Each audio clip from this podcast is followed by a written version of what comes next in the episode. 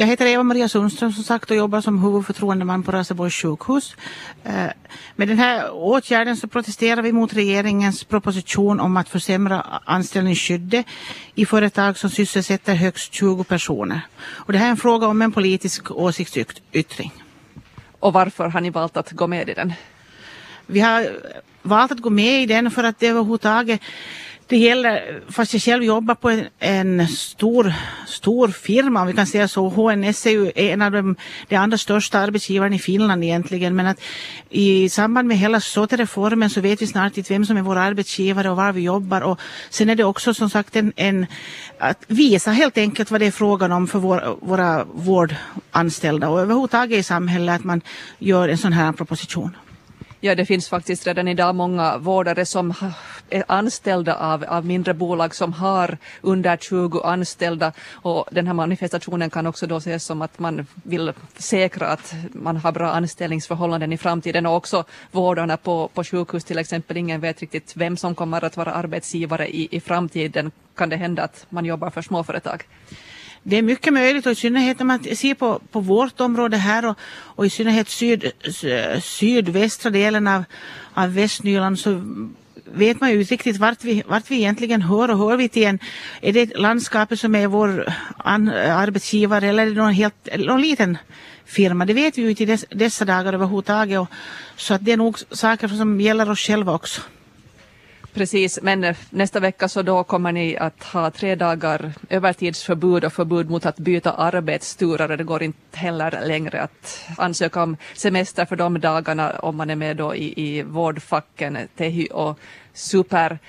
Det är inte helt all, alla vårdare är inte med i facken men en stor del, de allra flest, flesta är med. Hur kommer det här att synas på Raseborgs sjukhus konkret nästa vecka, Eva-Maria Sundström? Jag tror att på vårt sjukhus här så har vi det väldigt bra förspänt.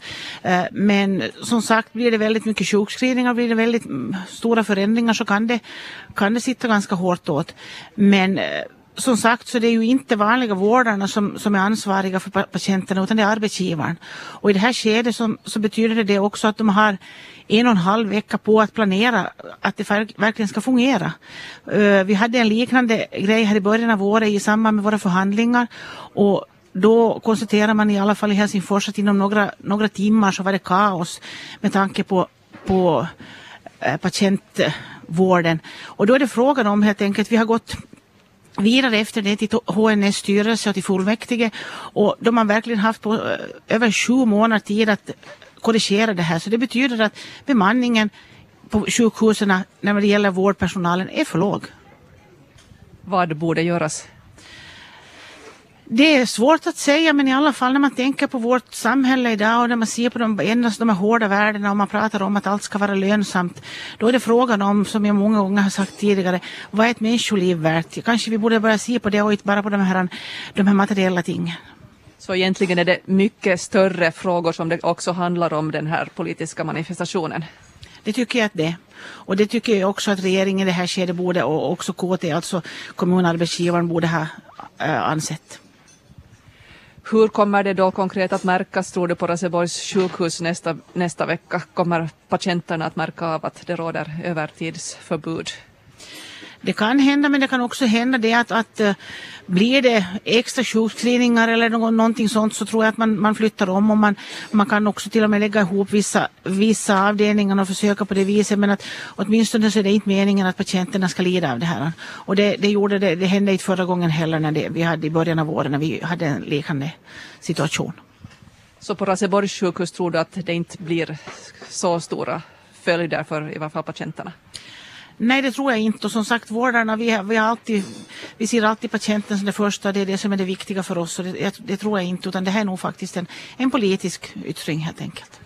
Hur viktigt är det då att man som ett stort fackförbund som Tehy deltar i sådana här politiska manifestationer för att också vara solidarisk med helt enkelt andra ar arbetstagare i Finland?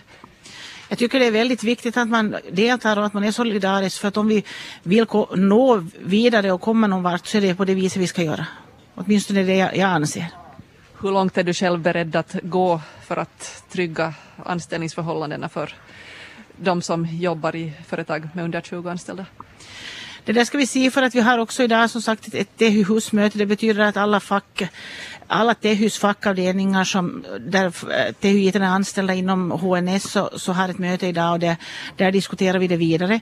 Men att man har också som eh, medlemskap i Tehu så har man också Tehu skyddar men det är också förpliktat att det är det det är fråga om. Och då, då gör vi så som förbundet bestämmer det finns då också säkert vissa vårdare som inte är med i, i facken. Kommer de att då kunna jobba övertid och, och ändra sina arbetsturer nästa vecka? De som inte är med i något eh, THY eller super så, alltså i något fack så det betyder att arbetsgivaren kan justera deras arbetslistor. Och läkarna är inte med? Inte det här skedet har jag hört åtminstone. Precis, och du är då på väg till mötet i Helsingfors i, idag. Tror du att det kommer att synas på ett annat sätt i huvudstadsregionen, den här manifestationen?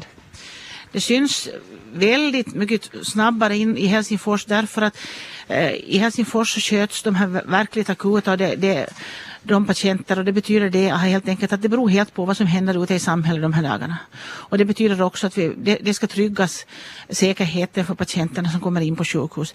Men det betyder också det att arbetsgivarna har, det är alltid arbetsgivaren som har sin, eh, som är ansvarig för, för vården. Och sen är det också så att om det, läkarna inte är med i det här, det finns läkare, det finns massor av läkare inom HNS. De kan jobba. Vilka ser du själv att är de viktigaste frågor just med tanke på vårdarnas framtid som någonting som facket borde driva här inom den närmaste tiden, närmaste åren? Vad är de stora, stora frågorna? Det är det som vi håller på med, det som, som är som den stora frågan är att vi ska få ett eget avtal helt enkelt för att vi har helt andra saker vi, vi jobbar med inom vården än för övrigt i samhället och det är det viktigaste. Sen är det också så att om vi inte får upp våra löner snart så vet jag inte hur det kommer att bli om vi, med tanke på att när vi också blir gamla någon gång och behöver vård och behöver skötas. För att i synnerhet den här landsändan här så där, där vi är mera svenskspråkiga så det betyder det att, att om du bara ser på andra sidan så kallar vi kallar det för potten så betyder det att Sverige och Norge är så drar för att där har de helt helt andra löner. Är du oroad för framtiden inom vården här i, i Västnyland?